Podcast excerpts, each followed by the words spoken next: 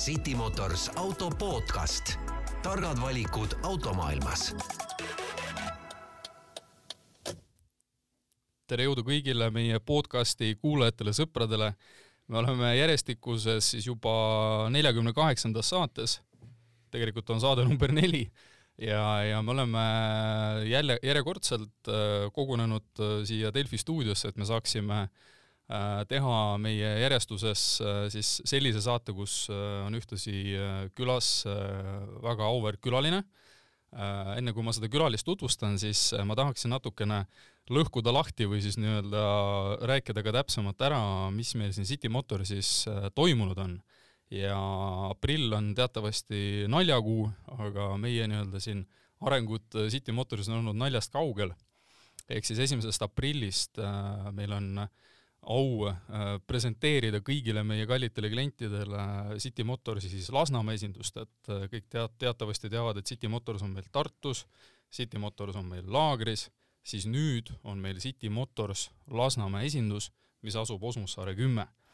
Ja, ja teatavasti kõik seda kaunist äh, musta maja Peterburi maantee ääres ju tegelikult teavad, teavad seda, et seal on olnud eluaeg selline pika tausta ja pikkade traditsioonidega Nissani esindus. ja, ja nüüdsest äh, ei ole see Nissan kui brändina sealt kuskile kadunud, pigem vastupidi, meie oleme toimetamas seal ja toimetamas äh, samamoodi ka Daciaga, Renault'ga ja, ja ütleme nii, et äh, kõik see hea koosseis, kõik need head kolleegid ja, ja kogu see vahva eesrindlik meelsus, kõik on nagu ilusti alles jäänud. mina olen äh, Jüri Pruun-Asari, mina olen City Motorsi müügijuht ja mul on ääretult äh, suur au äh, tutvustada meie külalist äh, Margus Mikk, kes on siis äh, Nissan Nordicu Balti regiooni juht. tere, Margus!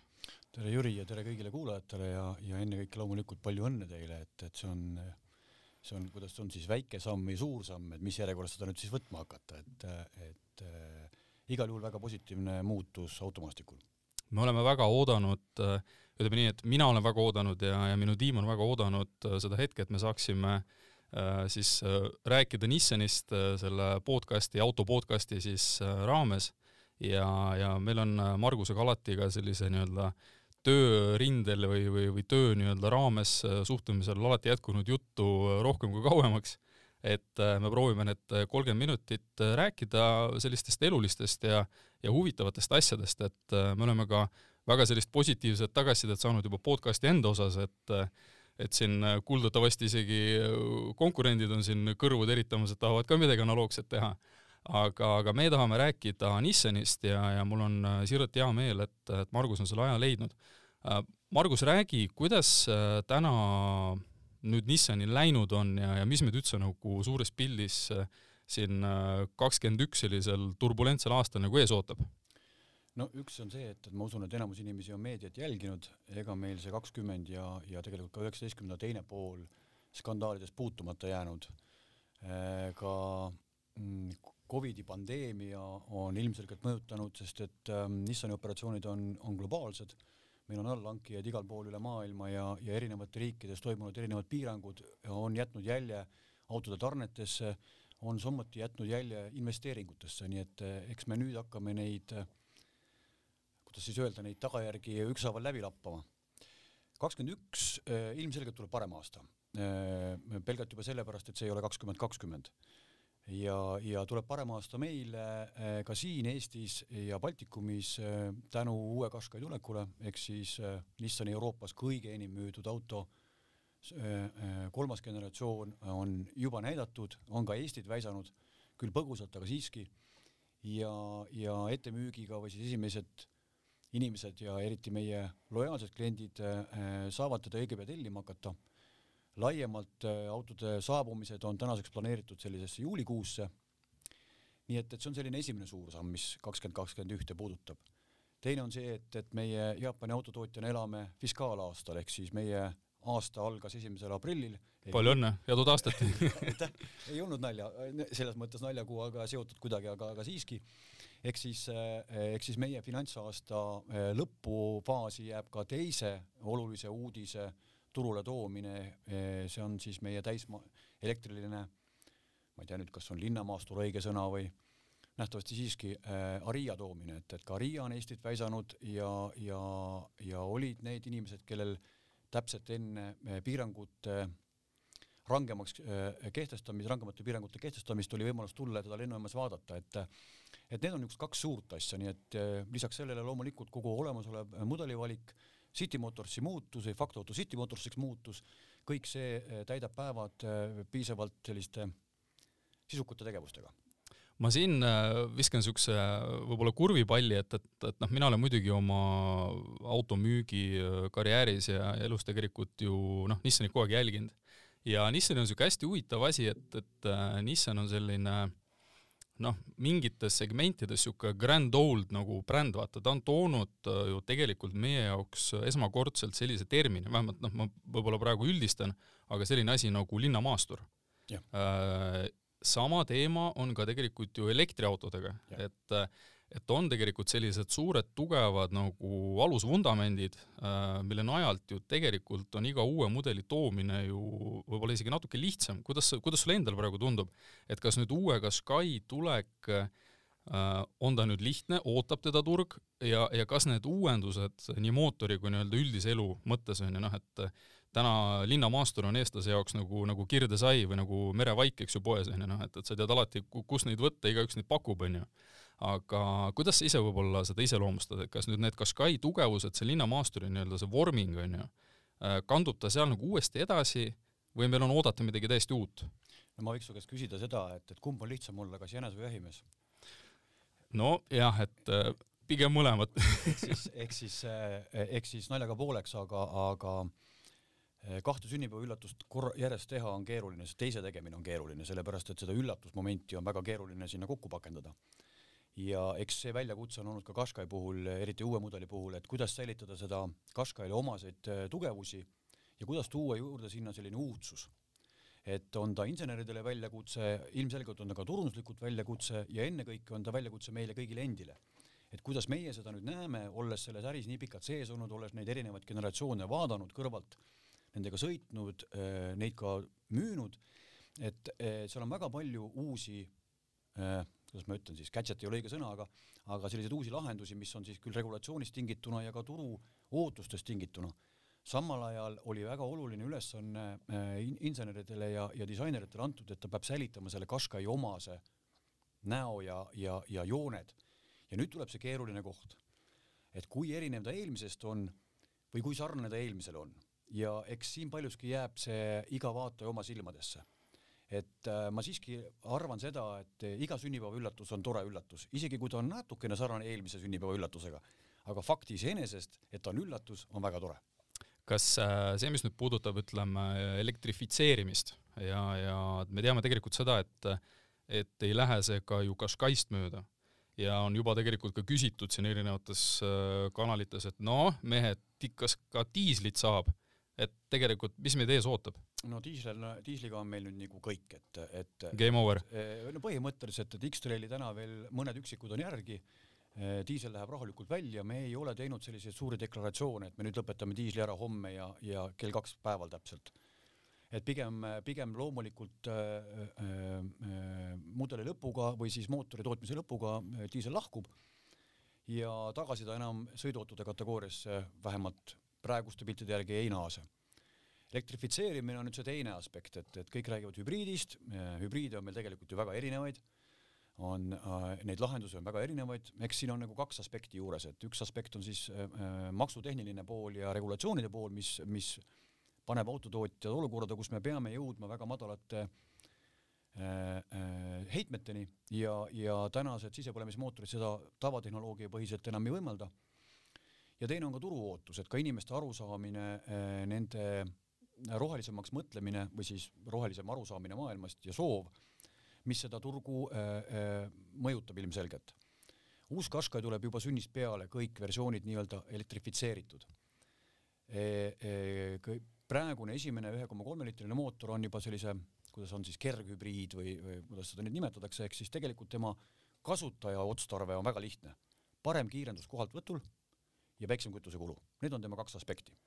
kui keegi otsib maanteekiirusel suurt kokkuhoidu, siis seda seal ei ole.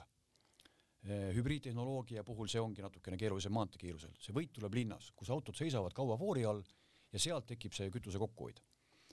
järgmine samm on siis äh, tehnoloogia, mida me Euroopas ei turunda, aga küll aga, aga on Jaapanis väga levinud, on meie e-power. ehk siis äh, ei ole ka tulemas, see on juba järgmise aasta teema.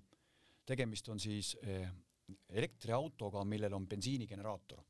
kõlab natukene naljakalt aga on toodud sisse kaks väga olulist aspekti, mis on elektriautol väga head. elektriauto äh, kiirendus ja tema, äh, tema väändemoment on saadaval läbi kogu pöördevahemiku. samuti tuleb seal juurde positiivne pool, milleks on komponentide vähesus. ehk sul on elektrimootorid, sul on väike aku, mis võimaldab sul auto disainis teha väga lihtsaid muudatusi ja vähendab kulu selle, selle tootmiseks. Sinna juurde on pandud bensiinigeneraator mille puhul kasutatakse ära auto maksimaalse väendevahemikku, ehk siis tavainimesed, kes võib-olla kokku nii palju ei ole puutunud, siis äh, bensiinimootor töötab teatud graafikus, madalatel pööretel ja kõrgetel pööretel ja kütusekulu sõltub sellest väga oluliselt. alati on autol selline maksimaalne väendevahemik, kus ta siis justkui kõige optimaalsema kütusekuluga annab kõige rohkem jõudu välja. ja nüüd see bensiinigeneraatori eesmärk ongi nii-öelda panna ta tiksuma kindlatel pööretel genereerimaks voolu, mis kantakse üle akusse ja sealt omakorda elektrimootori kaudu ratastele. sõidukogemus on sama, mis elektriautoga, lihtsalt põriseb. ja, ja, ja samamoodi võtame maha siin selle mure, mis on seotud siis, kui kaugele ma nüüd ikka sõita saan. et eh, see on selline e-power tehnoloogia ja, ja, ja Jaapanis on ta meil väga levinud, väga populaarseks osutunud. et, et see on järgmine samm, mis on siis järgmise aasta teema Qashqai, nii et, et seda elektrifitseerimist tuleb ilmselgelt jääme truuks oma täiselektrilistele. Leaf ikkagi ju täna olemas, äh, räägime ju esimesest masstoodetud äh, elektriautost. ütleme siis niimoodi, et suhteliselt pommikindel valik. Äh, Aria juba uus põlvkond oma uute tehnoloogiatega ja sealt edasi ja edasi ja eks elektriautonduse üks selline oluline aspekt on, mida tuleb arvesse võtta, on tema võimalus liigutada erinevatest regioonidest teistesse sisepõlemismootoritel mõjutab hästi palju turunduslikult äh, maksupoliitika ja kõik muud asjad, mis on siis poliitikute määrata, mis võivad siis ühe auto versiooni, mis ühel turul oleks väga populaarne, muuta äh, hinna mõttes kohutavalt kalliks mõnel teisel turul, kus maksupoliitika on vähe erinevatel alustel. elekter võtab need murad maha, sa saad elektriautot erinevate regioonide vahel liigutada, mis parandab äh, automaatselt ka, ka siis tarneaegasid ja annab tegelikult palju suuremad võimalused äh, ka, ka kliendile valida erinevate variantide vahel. see on selle kõige suurem aspekt. teine aspekt on ilmselgelt kütuse kokkuhoid ehk siis rahakulu, et äh, täna bensiinimootor, paned saja euri eest kütust paaki, sõidad kahekümne viie euri eest. väga robustselt arvutatuna. sa jagadki neljaga selle sisuliselt? no sisuliselt küll jah ja elektri puhul sa tangid saja euri eest, sa sõidad üheksakümne euri eest, et noh, eks igaüks teeb ise nüüd kalkulatsiooni, et äh, mis see nüüd siis mõistlik on. et äh, jah, siin on omad väljakutsed elektri puhul, aga me paratamatult liigume sinnapoole, sest noh, võtame siis ükskõik keda meist, palju me siis teeme neid neljasaja, viiesaja kilomeetriseid trippe, kui tihti. mõned teevad tihti neile on mingi muu variant, on vesinikutehnoloogia ja nii edasi, et, et see valik läheb nagu natukene laiemaks, aga ennekõike seal on kaks aspekti, et üks on siis, on siis seotud äh, heitmetega ja teine aspekt on seotud efektiivsusega, ehk siis äh, konkreetselt raha efektiivsus. mure elektriautode puhul ei saa käru vedada, Aria puhul see ei ole enam mure, poolteist tonni käru peaks olema piisavalt suur, rahuldamaks enamus inimeste vajadusi, nii et, et noh, eks me liigume samm-sammult, et äh, mäletan väga täpselt, kui esimesed lihvid said toodud ja kuidas inimesed talvel foori all tegid aknad lahti, et aru saada, mis, mis imejubin see on, mis ei mürise ja ei suitse.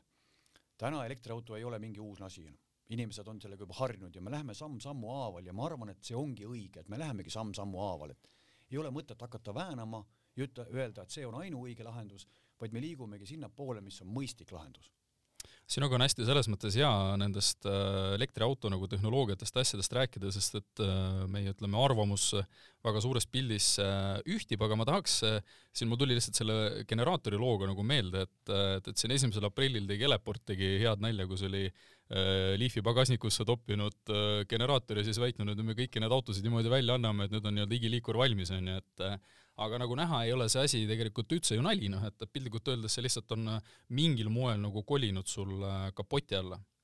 asi, mis ma tahtsin veel sinuga arutada või, või küsida, et, et kuidas sa ise nagu täna hindad, vaata, et äh, kui räägitakse üldse elektriautost ja see kuskil on noh, nii-öelda see mõte nagu pildile seinale kleebitud onju noh, ja, ja sellest arutatakse, tekib mingi diskussioon onju, siis noh, nagu sa ise ka mainisid, et kohe hüppab sinna püsti, et aga tal ei ole seal viissada kilomeetrit, kuussada kilomeetrit sõiduulatust. Ja, ja sa seda ka mainisid, et noh, et jah, et see linn on ju ja, ja valdav enamus meist nagu sõidab linnas, aga kuidas sa täna võib-olla iseloomustad sellist äh, Eesti võib-olla taristu hetkeolukorda, sul on endal peres elektriauto, et ja. kuidas sa täna nagu seda äh, iseloomustad, kas, kas sa päriselt ka jõuad selle elektriautoga kuskile taristu külge või teed sa seda kõike kodus, mismoodi sa teed seda? no äh, meie kodune auto on tõesti elektriauto, see on juba teine, teise põlvkonna Leaf, nii et esimene, esimene sai vahetatud ja neid kiirlaadimiskordi äh, tuleb sellele autole, nüüd ta on kaks aastat vana mm,, pea viiskümmend tuhat sõitnud, vast tuleb aasta kohta selline neli-viis. et ta on pigem selline neli-viis nagu, korda neli, sa laed nagu üldtaristus? jah okay., ehk siis äh, tingitud on ta ennekõike sellest, et, et üheksakümmend viis protsenti oma sõitudest me teeme siis kodulaadimise põhiselt, auto öösel laeb, päeval sõidad kui ma ütlen, et, et, et selle auto aastane läbisõit on üle kahekümne tuhande kilomeetri, siis enamus teeb silmad suureks, kus nii palju aga, aga nii palju neid kilomeetreid sinna tuleb ja kodune laadimine on ennast õigustanud. jah, kui tahta katta pikka otsa, minna Lõuna-Eestisse vanemate juurde, siis tuleb vahepeal kiirlaadijat kasutada.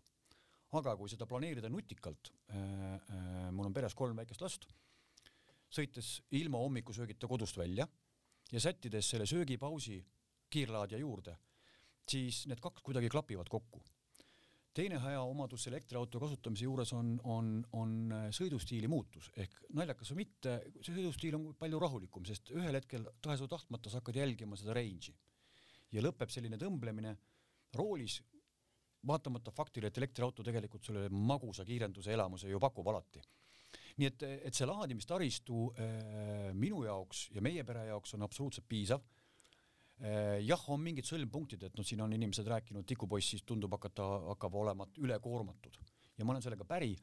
Äh, eks äh, linnades nüüd uute seadusemuudatustega, et korterelamute ees peab olema laadimislahendus olemas, see on hädavajalik, sellepärast et kõige soodsam laadimine on öine laadimine ja, ja see koormab ka meie elektritaristut kõige vähem.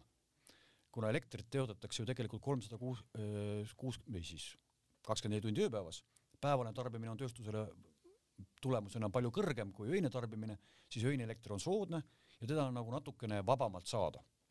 nii et, et, et see öine laadimine ja see taristu, just see, see, see osa on, on see valdkond, kuhu, kuhu tuleb tähelepanu panna ja õnneks on seadusloome nüüd siin ka äh, õla alla pannud seadusloomest ja, ja sellest, kuidas äh, aitab või mitte meid riik, teeme kohe juttu peale lühikest pausi City Motors auto podcast. targad valikud automaailmas. Nonii, äh, suunatule vilkumine, klõpsimine sai läbi ja nüüd me oleme siis äh, tagasi äh, Margusega ja räägime, räägime Nissanist, räägime autodest ja, ja räägime elektriautodest ja viimane teema, kus ma nii-öelda selle pausi meile sisse lülitasin, oligi just see, et, et mis puudutab võib-olla riiki, võib-olla noh, kogu seda nii-öelda üldist eluolu ja ja Margus, me ju teame seda tegelikult, et Euroopa riikides üleüldiselt on ju see toetus äh, riigipoolne nii-öelda tugi elektriauto ostuks läinud eriti aktiivseks kahekümnendal aastal. kas äh, oskad sa kuidagi äh,, kuna sa nii-öelda noh, haldad ju ka tegelikult suuremat regiooni ja, ja suhtled ka, ka võib-olla lääne kolleegidega, et kuidas ta nagu mõjutanud on ja kus nagu selles suures pildis sinu hinnangul meie nagu asume? no meil on tegelikult, kindlasti ta mõjutab eks ta mõjutab ilmselgelt, sellepärast et täna elektriauto alghind on oluliselt kõrgem. siin on mitmed põhjused, miks ta nii on, äh, ärme lähegi sügavuti, äh, mis teeb ta mm, siis tavatarbijale esmapilgul äh, vähem atraktiivsemaks, sest noh, päeva lõpuks kuidas see kohta öeldi, et minu nohu on hullem haigus kui teise mehe vähk. ehk siis äh, kehtib see ka autoostu puhul. arvutatakse kulusid ja isegi kui sa elektriauto puhul suudad tegelikult need kulud kokku tõmmata eh, sisepõlemismootoriga auto kulude tasemele, see eeldab teatud läbisõitu. mõningate inimeste puhul see läbisõit võib olla liiga suur. siin ongi need riiklikud toed, kes astuvad sisse ja, ja, ja subsideerivad inimesi liikuma eh, rohkem elektrifitseeritud transpordi poole. programme on erinevaid, Norrakat omavas kõige tuntum, kus on käibemaksuvaba äh, äh, autoost ilmselgelt suur mõju pluss veel siis muud maksud, mis neil tavaautodel peal on. Eesti on valinud tee, kus meil tavaautondust ei maksustata, ehk siis sisepõlemismootorid või heitmete põhist maksundust ei ole, mille tulemusena meil on see mm, paat nagu veel eriti käi-, viltu, et, et kui teistes riikides on sul CO2 põhine maksundus, siis paratamatult autod kõrgema CO2 heitmega saavad suurema maksukoormuse ja see tasandab hinnaerinevusi. meil seda ei ole. on see hea või halb? Ma ei tahaks siin süviti minna, need on sellised otsused, mis, mis on poliitilised otsused. küll aga on see, et, et, et mis iganes see elektriautode programm on, siis hästi on töötanud need programmid, mis on pikka aega töö, toimivad. selline lühike sutsaki-sutsaki eh, eh, ei ole hea kellelegi, sellepärast et, et see tekitab väga huvitava kontsentreeritud tegevuse. see on nagu natuke nagu Stockmanni hullude päevade lähenemine. et meil on hullud päevad teeme ära ja pärast seda on nagu siis kõik mõtlevad ja inimesed juba teise hullude päevade raames teavad, et ahah, hullud päevad on tulemas kahe kuu pärast, ma nüüd hakkan juba sättima. kannatame ja ootame, onju. absoluutselt, et ma arvan, et see ei ole nagu mõistlik, et, et siin selline pikaajaline programm on palju olulisem. seotud on ta kindlasti riigi kliimaeesmärkidega, millised need olema peaks, aga sellele programmile lisaks on ka hästi tähtis see, et, et, et me teeme selgitustööd. eks siin on meil endil automüüjatel ka päris palju tööd ära teha meie endi uskude koha pealt päris palju tööd ära teha ja, ja, ja, ja, ja me päevaks jõuaks, ma, ma usun, me jõuame sinna.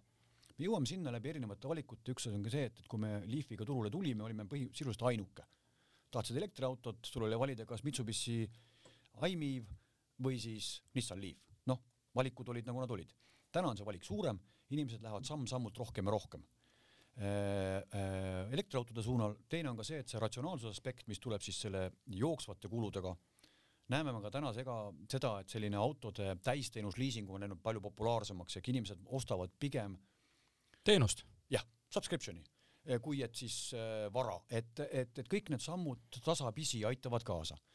nüüd elektriautode toe puhul äh, on väga oluline mõelda ka seda, mida see riik saada tahab. et kuhu me tahame välja jõuda, millised on meie eesmärgid ja vastavalt sellele hakata mõtlema. ma usun, et varem või hiljem me jõuame maksunduse juurde tagasi. see on aja küsimus, kõik üritavad sellest kuidagi mööda minna, aga, aga meil ei ole no see on siuke ebapopulaarne otsus pigem, aga, aga pole midagi teha. E, nii et noh, siin koha peal ma toetan pigem kasvõi väiksemat programmi, aga jätkuvat programmi, nagu esimene Elmo programm oli, kus see oli kõigile lihtne kui et sellist äh, tänast nii-öelda projektipõhist äh, tegemist, mis meenutab pigem sellist hullude päevade kampaaniat. see natuke on ka see, et, et, et mis võib-olla automüüja noh, nagu poole pealt paistab, on see, et äh, mida pikem on äh, toetusmeede, seda lihtsam on ka meil planeerida ladu, planeerida seda hinnastust et äh, kõik need soovid, kes äh, noh, on ennast või inimesed, kes on nii-öelda need soovid püsti pannud ja, ja nii-öelda öelnud, et jah, ma tahan elektriautot saada, siis tegelikult nad kõik saavad ka selles nii-öelda tarneaja aknas ka ilusti ära teenindatud, sest äh, tõepoolest jah, et, et nii kui see meede on, on lühike, on seda teha märksa keerulisem, küll mis selle viimase nii-öelda siis KIK-i ehk siis noh, Keskkonnainvesteeringute Keskuse meetme nagu ütleme, tänutäheks võiks öelda, on see, et ta on kindlasti toonud üles diskussiooni. ta on äratanud huvi äh, nendes gruppides ja nendes ettevõtetes, kes võib-olla elektriautot väga nagu lauale veel ei tõstnud. Nad olid pigem sellisel äraootaval seisukohal, vaatame, äh, ootame seda kuuesaja kilomeetri nii-öelda läbimisega nii-öelda sõiduauto tulekut turule, aga mis ta tegelikult on teinud, on see, et on ju meil täitsa arvestavaid ettevõtteid, kes on äh, näiteks kas või sellesama parkimise või mingi muu kulu optimeerimise nii-öelda valguses otsustanud minna ja kasutada siis seda toetusmeedet Uh, siit veel selline põletav küsimus, mida siin on mulle nagu põuetaskusse poetatud, et noh, et kui te nüüd Margusega nüüd seda podcast'i teete, onju, et et ole hea, küsi tats ära. et uh, oskad sa öelda või, või mis sinu enda nii-öelda sisemine tunnetus on või, või on sul mingi niisugune lähtepunkt, et uh, kas elektriautod lähevad nüüd soodsamaks ka? No eks nad lähevad kindlasti soodsamaks, selles mõttes, et lähevad soodsamaks, neid arenguid toimub ja siin toimub nüüd, see on nagu natukene nagu, nagu arvutite, arvutitega või telefonidega, et et ühtepidi äh, akud lähevad suuremaks, teistpidi tuleb sinna mingid gadget'id juurde, mis siis nii-öelda hinna tasandab, et, et need muutused toimuvad pidevalt ja tuleb ka, ma ei tahaks kasutada sõna konkurentsi, aga seda valikut rohkem juurde teisalt on ka autotootjatel päris kõva surve, et, et no meil on oma cafe target'id ja need on nii-öelda, et see tuleb ära teha, see, see, see lihtsalt tuleb teha, ükskõik mis hinnaga. ostjale on see muidugi positiivne, pikas perspektiivis see on niisugune nii ja naa teema, sellepärast et kui see surve on meeletu selleks, et sa ainult eesmärke täidad, siis see mõjub sinu tulevastele investeeringutele, mis omakorda mõjutavad jälle meie klienti natukene kaugemas perspektiivis. nii et, et eks nad lähevad mingis mõttes soodsamaks, teistpidi eh, tuleb juurde igasuguseid erinevaid huvitavaid eh, rakendusi ja tehnilisi lahendusi, mis natukene tasandavad seda hinda küll aga on olulisem vast eks siin, et, et teha need arvutused ja kuna me oleme samm-sammult järjest rohkem liikumas selle kuumaksupõhise, kuumaksupõhise lähenemiseni autoostuni, siis äh, selline tuhandene, kahe tuhande eurine hinnakõikumine kuumaksus, selle mõju on tegelikult päris väike. et, et siin tuleb lihtsalt see ratsionaalne arvutus teha. Ja, ja, ja noh, tulles tagasi korraks selle meetme juurde, siis sa väga õigesti mainisid, et see tekitas diskussiooni ja tekitas huvi. aga kui palju me suudame loetleda ettevõtted, kes ostavad äh, kaupu kampaaniapõhiselt? väga vähe. pigem ostetakse asju vajaduspõhiselt ja autoparki planeeritakse ka vajaduspõhiselt, et äh, üks ettevõte ei saa oma autopargi planeerimisel Stockmanni äh, hullude päevade järgi äh, plaani püsti ehitada, et see ei ole väga mm, mõistlik lahenemine. Nii et noh, need on need, need aspektid, et need tuge-, toetusprogramm, autode soodsamaks minek, erinevad variandid, kõik see on positiivne päeva lõpuks jõuame ühe lihtsa asja juurde välja. kui palju meie inimesed ise on valmis tegema seda sammu. väga paljud elektriauto kõvahäälsed kriitikud ei ole elus elektriautos istunud, ei ole elus seda ka proovinud. Mäletan, aga teavad väga täpselt, kuidas ta sõidab. mäletan väga täpselt. ja kui kaugele. no just, ja mäletan väga täpselt, kui tuli diiselmootor sõiduautodele peale, kus enne seda öeldi, et mina diiselsõiduautoga ei iial. Läheb neli aastat mööda, inimene sõidab sinu juurde, kuulad mootorit, käib tõkk-tõkk-tõkk-tõkk-tõkk-tõkk, ega sul diisel ei ole? on küll. et noh, võtame asju nii-öelda avatud, vaatame, arutame enda jaoks, leiame need plussid ja miinused, käime need automüüjaga läbi ja alles siis teeme oma otsused, kuhu poole minna. kas kuidagi on meie jaoks ja noh, vaata nüüd Covid ja me eelnevalt podcast'ina ka seda niimoodi igas kontekstis nagu puudutanud just seda, seda kakskümmend aastat ja seda koroonaaega, hästi palju on olnud sellist adopteerumist ja me oleme pidanud väga palju asju äh, nii sellisel noh, ütleme igapäeva töökorralduse tasandil nagu ringi mängima, kas oskad äh, tuua välja või, või, või rääkida, et kas kuidagi nii-öelda see hooldamise pool ja, ja noh, Nissanil on tegelikult ju väga tugevalt ja väga hästi üles ehitatud selline noh, kliendi lojaalsusprogramm, kus äh, peetakse sinust kui ka eelnevast Nissani omanikust ju väga lugu. et, äh, et oskad sa võib-olla tuua välja, et, et äh, selle asja nimi on Jublus Nissan. et, et mis on seal võib-olla sellised põhisiuksed nagu ankrukohad ja, ja mida inimene, kes võib-olla täna elades võib-olla oma ka sellise noh, enam-vähem värske autoga, aga ta plaanib seda vahetada, et mis võiksid olla nagu need asjad, mis paneb ta võib-olla mõtlema tõesti, et nüüd on minu järgmine auto Nissan? no eks on, äh, äh, eks me liigume kõik sinna, et me läheme järjest mugavamaks ja me ei taha väga paljude asjade peale enam mõelda. laseme siis kellelgi teisel mõelda. Äh, üks Nissani lojaalsusprogrammi oluline aspekt on siis see, et, et tuled teenindusse, tuled hooldusesse oma autoga, teine auto ootab sind ees ehk broneerides hoolduse, sa saad asendusauto. Kui palju oluline see on, ma arvan, et väga paljude jaoks on, sellepärast et ma ei pea oma päeva lõhkuma. teine selle oluline aspekt on autoabi. palju räägitud, mis see tähendab, ma ei tea, me täna ikkagi eh, igale oma lojaalsele kliendile, kes hoolduses käib, anname järgmiseks kaheteistkümneks kuuks öö, täiesti tasuta autoabi ja see ei ole lihtsalt autoabi, et noh, keegi tuleb kunagi appi.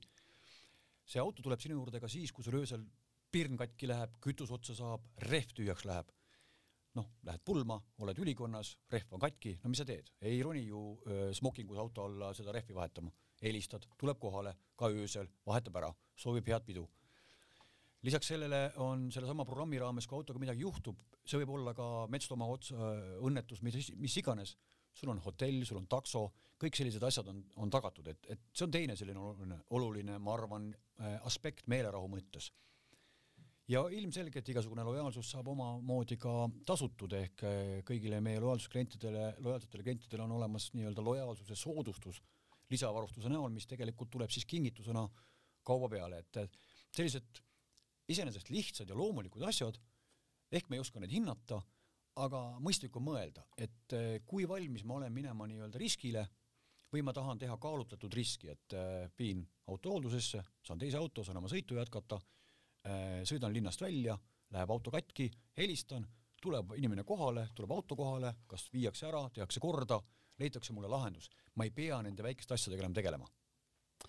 väga kihvt, me oleme täpselt meie nii-öelda saate ajaraamis sees ja, ja mis ma Margusele saan öelda, et et esiteks ma tahan sind tänada, et sa aega leidsid meiega siin ühineda ja, ja mina enda poolt ka City Motorsi nimel siis luban, et me kanname Nissani eest head hoolt, et proovime kõik Nissanid ära müüa, mis meil, mis meil olemas ja tulemas on. Ja, ja eks me oleme muidugi nende uute mudelite ootuses. Äh, väga äh, väga ägedad äh, sellised ideed ka elektriautode puhul, mis sa tegelikult ka siin välja tõid, et, et noh, seda kõike peabki vaatama nagu erineva nurga alt. ja, ja ma tuletan ka seda meelde, et äh, City Motors äh, hoiab ka nii-öelda lahti oma äh, postkasti laegast ehk siis äh, autopodcast at citymotors.ee, kirjutage oma mõtteid äh,, küsige.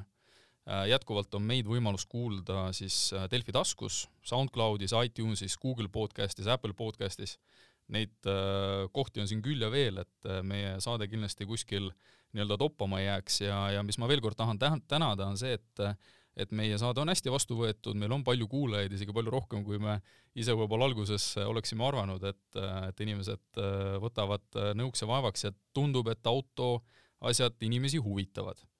Margus, aitäh sulle! aitäh, Jüri, ja, ja aitäh City Motorsile, ilmselgelt äh, väga kihvt, väga kihvt uus lähenemine, kuidas inimesteni jõuda ja selgitada asju nii-öelda lihtsas keeles.